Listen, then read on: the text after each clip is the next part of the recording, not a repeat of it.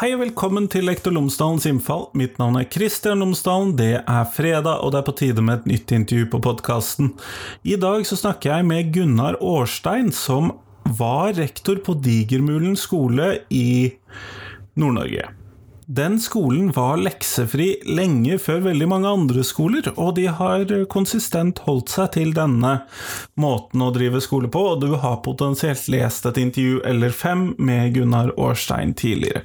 Jeg snakker med Gunnar Årstein om eh, møteelevene, vi snakker om det å drive en leksefri skole, hvordan det var å innføre det, og i det hele tatt, sånn at her så tror jeg du får mye interessant. Ellers, podkasten Lektor Lomsdalens innfall er som alltid sponset av Cappelen Dam Utdanning, og hvis du går inn på skolen.cdu.no, så finner du alle de læringsressursene som Cappelen Dam har laget i forbindelse med fagfornyelsen i grunnskolen. Alle ti årstrinn, alle fag, alle tverrfaglige temaer, alt sammen, det finner du der inne. Og hvis du går inn på skolen.cdu.no, så er det mulig at skolen din allerede har kjøpt tilgang, sånn at du kan besøke alle ressursene, eller så kan du prøve ut en sånn eh, prøveperiode, og jeg vet at det er en sånn prøveperiode nå fra mai til august eller der omkring, som du kan teste ut og kanskje forberede deg litt til neste år. Etter at du har hatt en god og lang sommerferie og avspaseringsperiode, selvfølgelig.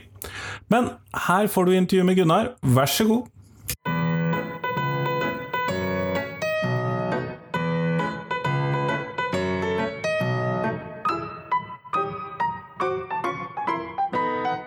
Gunnar Årstein, kjempeflott at du er med meg i dag. Takk skal du ha. Veldig hyggelig å bli invitert til det, Kristian. Før vi starter selve intervjuet, så hadde jeg håpet at du kunne fortelle lytterne mine tre ting om deg selv, sånn at de kan få bli litt bedre kjent med deg. Ja, jeg er 68 år. Har vært lærer i 40 år, omtrent. Litt under 40 år. I ca. 20 år har jeg vært lærer i en skole som ikke hadde heimelekse. Og de siste en, ti år var jeg rektor på samme skole. Nettopp, nettopp. Og det er jo nettopp dette med lekser vi skal snakke om i dag. Og med tanke på at du da har vært lærer på en skole som ikke hadde lekser, og rektor på en skole som ikke hadde lekser, hva tenker du rundt lekser som konsept? Jeg tenker at det er en anakronisme, som det heter på fint.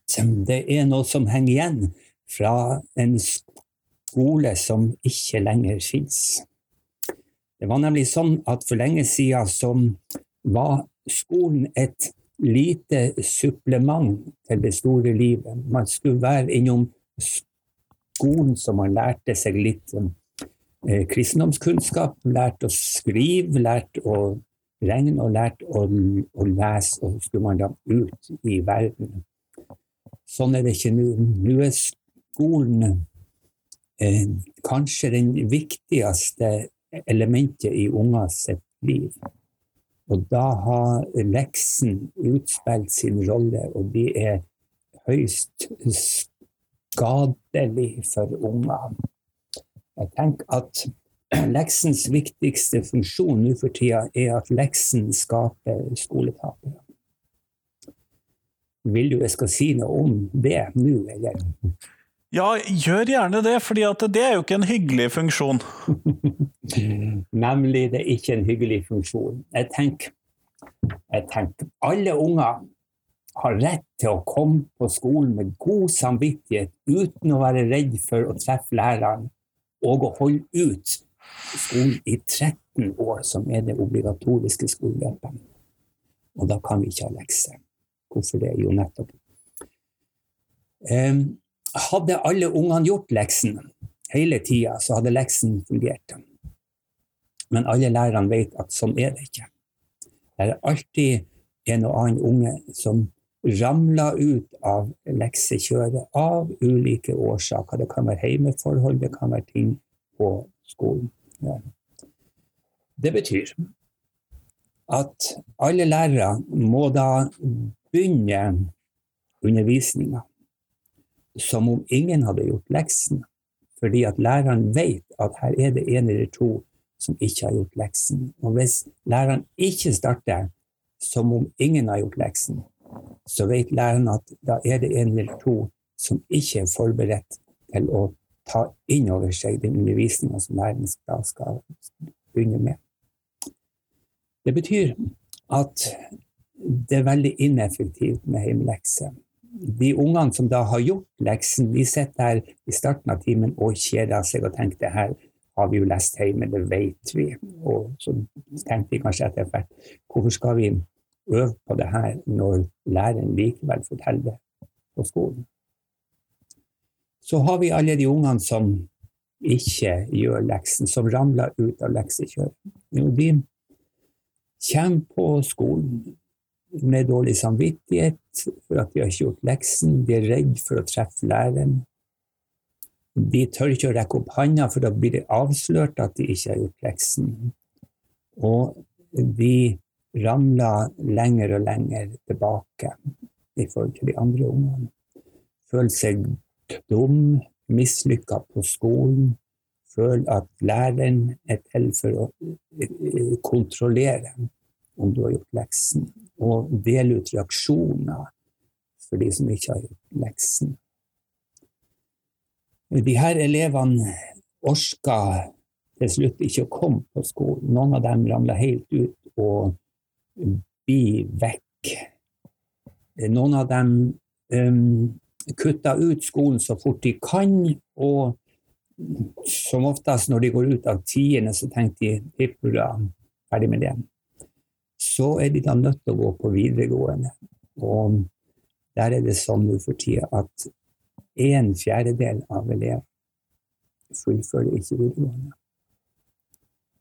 Jeg tror at de fleste av de som ramler ut, er unger som føler seg mislykka i grunnskolen, og som føler at de ikke får noe igjen fra det. Hos oss på Digermulen skole, som har hatt leksefri siden år 2000, har resultatene vært følgende, skal du høre. Jeg, jeg, hører allerede nå at det er en viss stolthet i stemmen på dette. vi er veldig fornøyd. Vi er veldig fornøyd. Og um, vi var litt usikre da vi starta med det her i år 2000. Vi tenkte vil nå ungene lære like mye som før? Vil foreldrene føle at de får like mye kontakt med det ungene får lært? klarer de å følge opp ungene sine. Resultatet etter 20 år skal jeg oppsummere sånn. Vi har oppnådd større trivsel for alle, både lærere og elever. Vi har fått eh, bedre relasjoner mellom ungene og voksne. Og relasjoner i skolen er noe av det viktigste du bygger opp som lærer, og det er skolen sitt ansvar. Vi har fått elever som alle sammen tar vare på skolen. Ingen ødelegger noe på våre skoler lenger. Og hvis det kommer unger utenfra, det har hendt, som har ødelagt noe på skolen, så blir våre elever veldig opprørt over at vi kan gjøre noe sånt mot vår skole. Ungene opplever altså vår skole som elevene sin skole. Vi har ingen skoletapere eller skolehatere. Vi har fått bedre struktur på undervisning og bedre utnytting av skoletimene. Vi har bedre karakter enn landsgjennomsnittet hvert år. Um, vi har fått skille altså Ungene har fått et klart skille mellom arbeid og fritid. Vi har hørt at det er blitt færre konflikter i heimen og det er flere som gjennomfører videregående skole. Jeg undersøkte litt om eh, hvor mange av elevene våre fullførte ikke videregående skole. Kom til én av ti, mens tre av ti i snitt i landet gjennomførte ikke. Så vi er veldig fornøyde. Eh, men Gunnar, når du da, fordi at du sa bl.a. det at dere hadde fått bedre utnyttelse av tiden på Digermulen skole. Men mange av de lærerne som jeg hører snakke om at de vil ha lekser i skolen, de skjønner jo ikke helt hvordan de skal rekke å gå igjennom alt hvis ikke de har lekser. Ja. som jeg sa, når man har lekser, så, så, fungerer leksen bare hvis alle gjør leksen, og alle lærere vet at det er ikke alle som gjør leksen. Så du må bruke litt tid i lekseskolen på å sjekke opp at folk har gjort leksen. Så må du bruke litt tid på å utdele reaksjoner for de som ikke har gjort leksen. Og så må du bruke veldig mye konsentrasjon og oppmerksomhet og litt tid. Og samtidig som du skal undervise og drive opplæringa framover, så må du holde um, øye med og orden på de som har ramla ut, og som gjerne ikke vil være i klassen din, og som tenker på å lage bråk. Ja, og alt det her tar tid og oppmerksomhet og hemmer undervisninga. Så eh, kom jo fram, vi ganske fram, fort fram til en annen ting på skolen vår. Det var når vi ikke har lekser, så tenker vi hvordan skal vi komme gjennom alt? Jo, vi må slutte å tenke at det vi ikke får gjennomført på skolen, det kan ungene gjøre hjemme. Så alle lærerne var veldig nøye med å komme presis til timen ha klart for seg hva skal elevene ha lært når de går ut av denne timen, og ha en plan for det, og gjennomførte det. Så, samtidig som at trivselen økte kolossalt, så økte også effektiviteten av undervisningstiden. Og vi kom gjennom alt. Og vi fikk faktisk høyere snittkarakterer hvert år enn landsgjennomsnittet. Uten lekser og uten å utvide skolen noe. Og vi syns skoletida er lang nok. Altså, fra jeg gikk på skolen i sju års folkeskole Ja, for du er jo eh, blitt godt voksen etter hvert? Veldig gammel. Veldig gammel.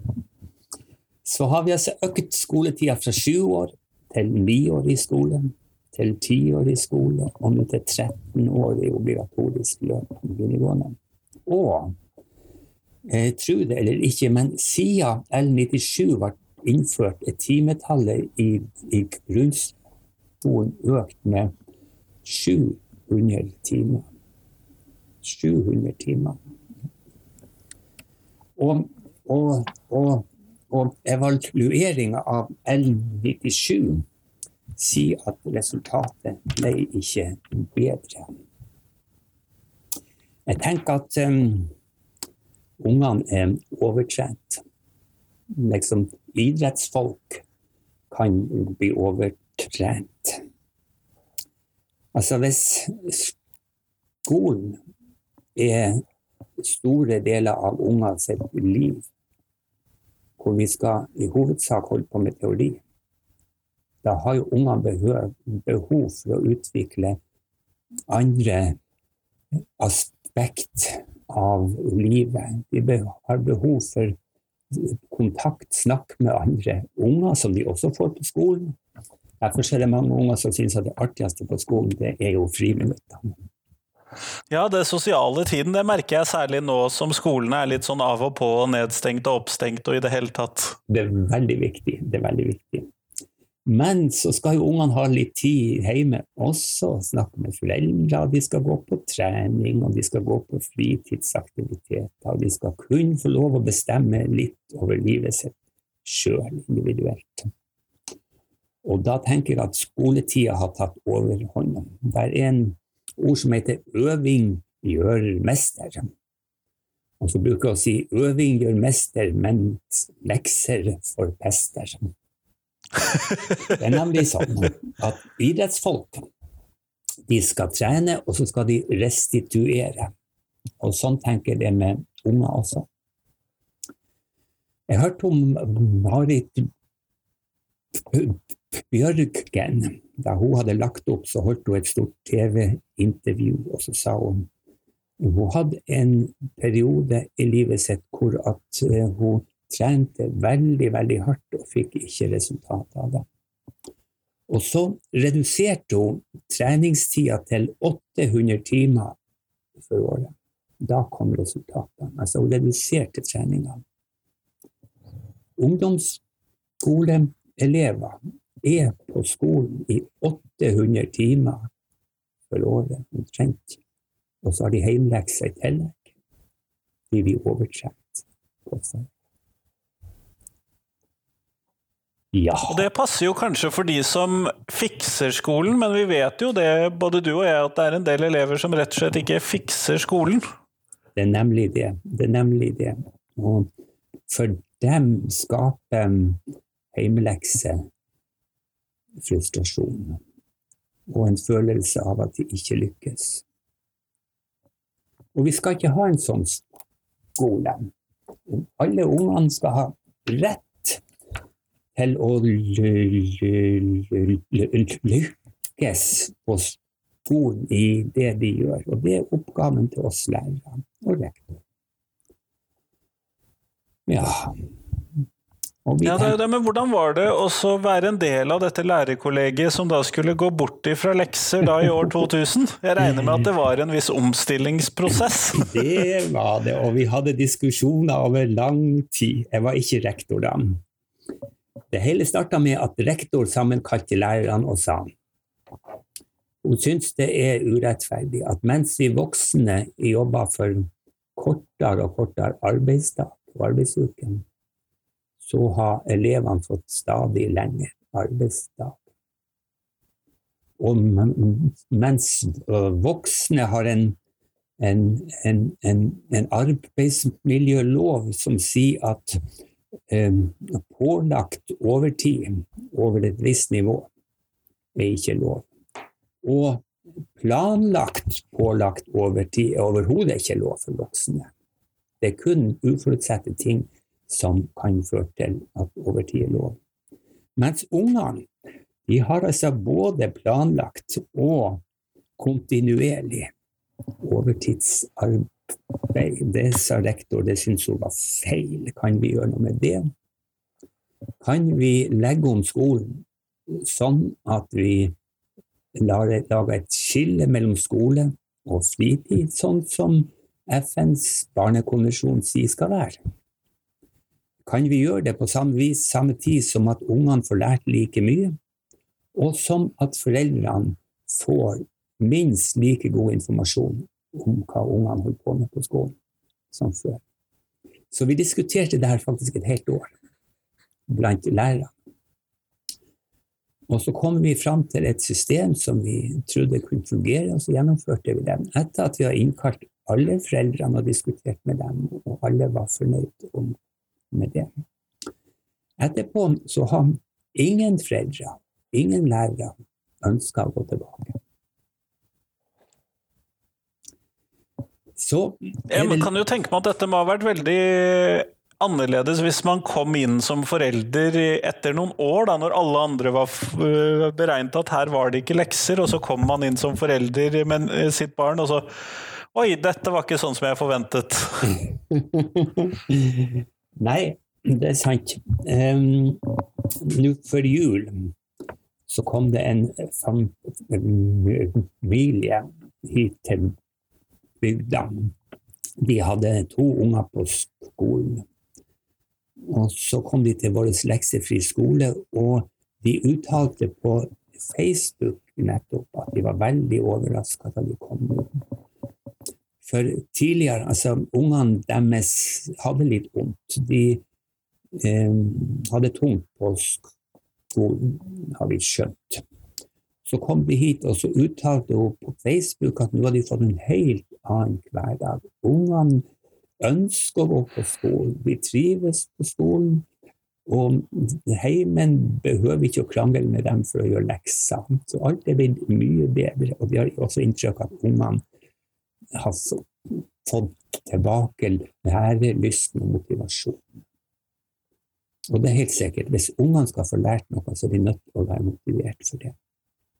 Og det tror jeg er den viktigste effekten og grunnen til at vi høyner karakterene hos oss. At ungene er motivert stort sett hele tida, og at vi har oppnådd mye bedre relasjoner mellom lærerne og ungene. Det blir mindre den læreren som har straffansvar, da? Ja. Det blir ingenting av en lærer som har straffansvar, med mindre ungene skulle ha gjort noe helt galt. Og da, da snakker vi om dem. og jeg var jo rektor i ti år.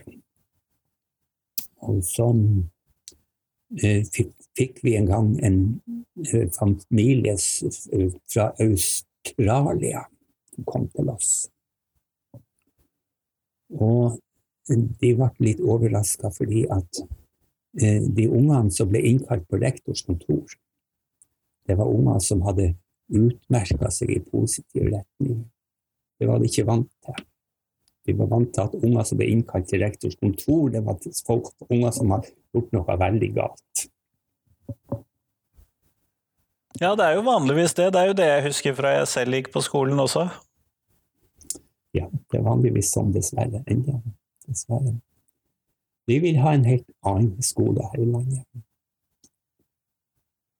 der ungene Men Gunnar, Digermulen, i motsetning til navnet, så er jo ikke Digermulen verdens største sted, da? Det, Nei, et av verdens minste sted, og et av verdens minste skoler. Da vi kan... Eh, begynte, eller da vi kutta ut leksen, så var det 40 elever på skolen. Nå er det 11. Ja. Så du kan si Vi har jo en fordel av at vi har små klasser. Vi har altså to, to klasser fra én til ti. Halvparten blir små, og andre halvparten blir store. Som skal lære litt ulike ting, sånn at eh, læreren må da tenke godt igjennom hvordan de planlegger, sånn at alle får lært det de skal på ulike trinn, selv om de går sammen. Og det går fint. Um, og ungene får veldig tett kontakt med læreren og tett oppfølging. Men samtidig så har vi ingen unger med foreldre som har akademisk bakgrunn. Og det er jo kjent sak at sånne unger eh, gjør det bedre på skolen, de med akademiske foreldre. Vi har ingen, absolutt ingen. Likevel gjør vi det bedre. Når det gjelder tett kontakt, så er en ting som er veldig viktig, og som jeg ønsker at alle skolene skal gjøre. Vi har elevsamtaler med alle unger hver uke. Hver uke. Hver elev har kontakt med sin kontaktlærer hver uke. En samtale hvor vi oppsummerer hvordan uka har gått, om elevene har lært det som var planen, om det har vært noen problem, om det har hendt noe trivelig denne uka, og om det har hendt noe ikke så trivelig i uka. Og eh, det er det viktigste vi tar opp. Har det hendt noe ikke så trivelig denne uka? Jeg husker det var en unge som sa nei, nei, nei, nei alt har for så vidt vært greit. Ok, sier jeg, du sier for så vidt. Hva som ikke har vært greit. Ja, nei, det var nå bare noe med, vi, vi, vi, hadde en liten uoverensstemmelse, jeg og en annen, men det er ikke noe snakk om. Men jeg vil gjerne høre det, sier jeg. Og så fikk vi snakka om det. Og akkurat de her samtalene er det viktigste vi gjør for å forebygge utrivelige ting og, og, og, og mobbing i skolen. Fordi vi, vi tar fatt på ugreie ting før det blir noe stort. Så eh, fyller eleven og læreren ut et lite skjema om hvordan elevene har utvikla seg i uka, og hva som har skjedd. Helt kort. Så går skjema hjem til foreldrene på fredagen, og eleven har skjema med tilbake på mandagen med eh, heimens påføring, eventuelt, eller bare underskrift. Det betyr at kontakten med foreldrene er blitt mye bedre enn før. Og kontakten med ungene er blitt tusen ganger bedre enn før. Vi er veldig tett på ungene. Men tenker du at dette kan fungere også på større skoler, det å kutte ut leksene sånn som dere gjorde på Digermulen? Jeg tenker, ja, jeg tenker at, at um, den positive effekten ved å kutte ut leksen på en stor skole er enda større enn på en liten skole. Og det er fordi på en stor skole har du gjerne to og tre skoletapere og skolehatere i hver klasse. De finner hverandre og støtter opp om hverandre om bråk. For husk på, ungene ønsker ikke å være slemme. De ønsker å beholde en viss grad av sjølrespekt hele tida. Og når de ikke kan få den sjølrespekten gjennom skoleprestasjoner, så prøver de å få den gjennom å være tøff i kjeften og, eh, håpe at de får støtte fra andre elever. Og er det to og tre som har det på samme vis, så støtter de opp om hverandre og kan ødelegge undervisninga ganske mye i en stor klasse, når læreren har absolutt nok å holde øynene og ørene på allikevel. Om vi har én skoletaper i en liten klasse som oss, så vil ikke den skoletaperen få støtte fra sine medelever på ting som bråk og sånn. Så, kjære store skoler, kutt leksene, dere kommer til å bli veldig fornøyd. ja, fordi at man kan jo tenke seg det at eh, jo da, dette funker på Digermulen fordi at det er et lite sted osv. Men det vil jo aldri funke her hos oss. Men det høres ut som du er veldig tydelig på at det tror du absolutt at det vil gjøre. Det vil det gjøre. Og en annen god ting, det koster ikke en krone ekstra. Vi har ikke utvida skoletida. Det minste vi har ikke sett på ekstra lærere. Vi har kun hatt fordeler, både for kommunen og for ungene. Og ungene er det viktigste. Men dere har jo da måttet gjøre en del arbeid f.eks. For, for å få til dette repetisjonsarbeidet som man vanligvis da putter inn i leksene. Hvordan har dere fått det inn i skolehverdagen? Ja, da er det sånn at selv om vi ikke har lekser på skolen, så er det tillatt for ungene å øve hjemme på skolearbeid. Og det er faktisk flere unger som gjør mer hjemme enn da vi hadde leksen. Og det er fordi at ungene trives på skolen og har lyst til å gjøre det bra. Så vi har aksjoner på uh, gangetabellen og på lille pluss og på tieroverganger. På det viset at vi tar ei ukes tid, og så sier vi i denne uka skal vi lære gangetabellen fra sånn til sånn. Så øver vi på skolen hver dag på gangetabellen, og så neste dag har vi gangeprøve.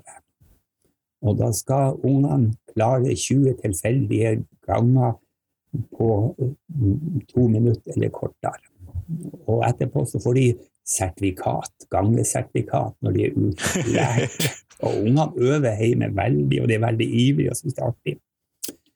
Så eh, er det viktig at ungene lærer tidlig å, å lese. Veldig viktig. Så når ungene er helt små og kommer på skolen, så avtaler vi med heimen at heimen skal lese ti minutter for ungene hver kveld. Det er ikke pålagt lekse, men vi avtaler det med heimen, og heimen syns det er fint. Les ti minutter for ungene hver kveld. Og når ungene har lært å lese sjøl, så avtaler vi med heimen om dere kan få ungene til å lese ti minutter for de voksne hver kveld. Det syns alle er veldig hyggelig, og vi gjør det.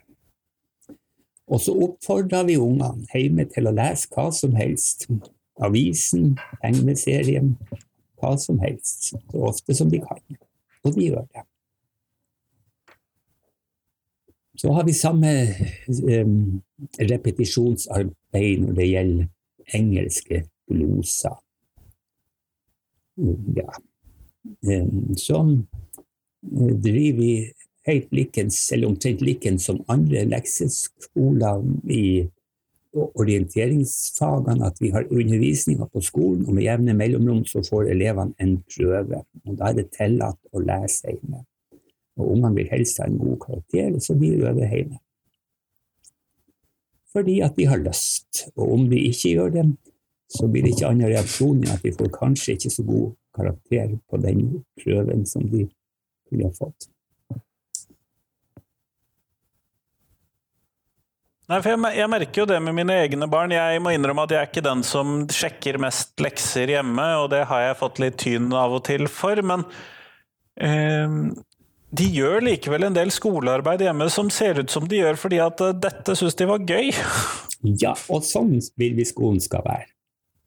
Sånn vil vi skolen skal være. Ja, skolen skal være gøy, og skolen skal være meningsfull for ungene. Og så er det jo veldig fint at ungene kan treffe hverandre og øve seg på å bli eh, gagnens mennesker for heim og samfunn, som det står i formålsparagrafen i skolen. Ja, vi vil jo helst at de skal bli det, men eh, du har jo også tråkket fram her dette med at dette er planlagt overtid. Eh, og det syns jeg jo er litt interessant, fordi at det vet jeg ikke om vi lærere alltid tenker over. Nei. At det er det det er. Nei, jeg tror ikke, jeg tror ikke folk tenker over det. Og jeg tror det kommer av at um, heimleksen har fulgt skolen fra første gang skolen ble til. Og det var sånn.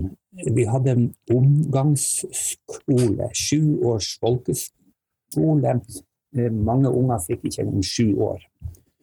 Og da reiste læreren rundt og hadde undervisning i, i heimene til folk. Og så måtte ungene øve litt mens læreren ikke var der. Ja, og den viktigste oppgaven til, til læreren i den tida, det var å sjekke opp at ungene har lært seg hjemme. Mens viktigste oppgaven til læreren nå, det er å hjelpe ungene å få lært på skolen, og hjelpe ungene til å utvikle seg bra sosialt. Det er en helt annen skole. Og denne overtida som lekser utgjør, var kanskje greit for veldig mange år siden, da det var kort tid på skolen, men sånn er det ikke lenger. Nei, for som du sa, skolen har jo blitt veldig mye lenger i løpet av din levetid, bare. Ja, nemlig. Det er sånn det er. Og hvordan skal det fortsette? Liksom? Det her med heldagsskole, det er jeg litt redd for. Fordi at da er man ja, da, hvorfor det? Fordi at da er man i Altså hvis SFO skal bli obligatorisk Det er en eh, skole, SFO-hverdag, som er tilpassa et liv i byen hvor at begge foreldrene er på jobb. Den er ikke tilpassa unger, mener jeg. Unger må ha litt tid hvor de disponerer sjøl,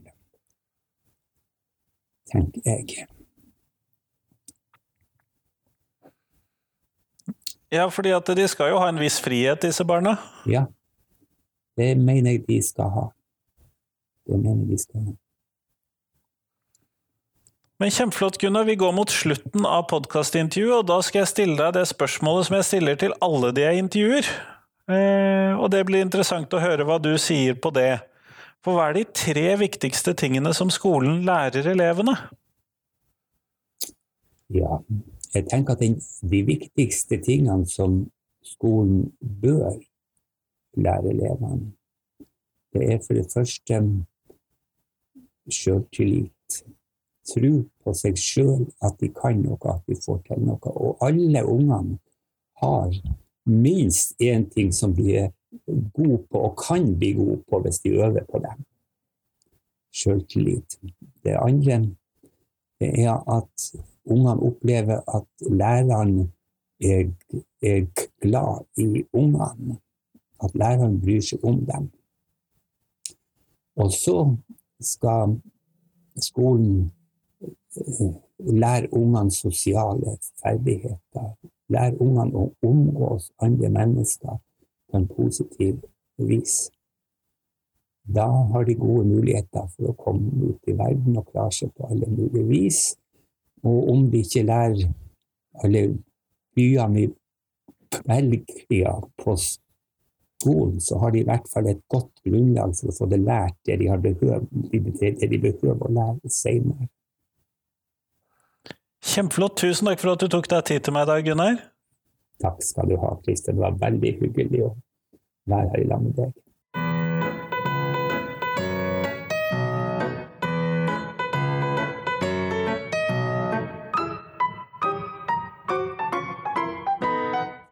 Tusen takk til Gunnar, og tusen takk til deg som hørte på. Nå er det fram til tirsdag, så kommer det en ny episode på podkasten, og nå nærmer vi oss faretruende sommerferie. Så jeg satser på at verden henger sammen til vi kommer så langt, og jeg satser på at du får ha en god avslutning på skoleåret i passelig rolige former. Dette er spilt inn før vi har gått til streik, sånn at uh, potensielt er du i streik også. Men det finner vi ut av. Men fram til neste gang, del podkasten min med noen som du tror vil sette pris på den. Håper jeg at de også vil like den. Ha en fin dag. Hei, hei.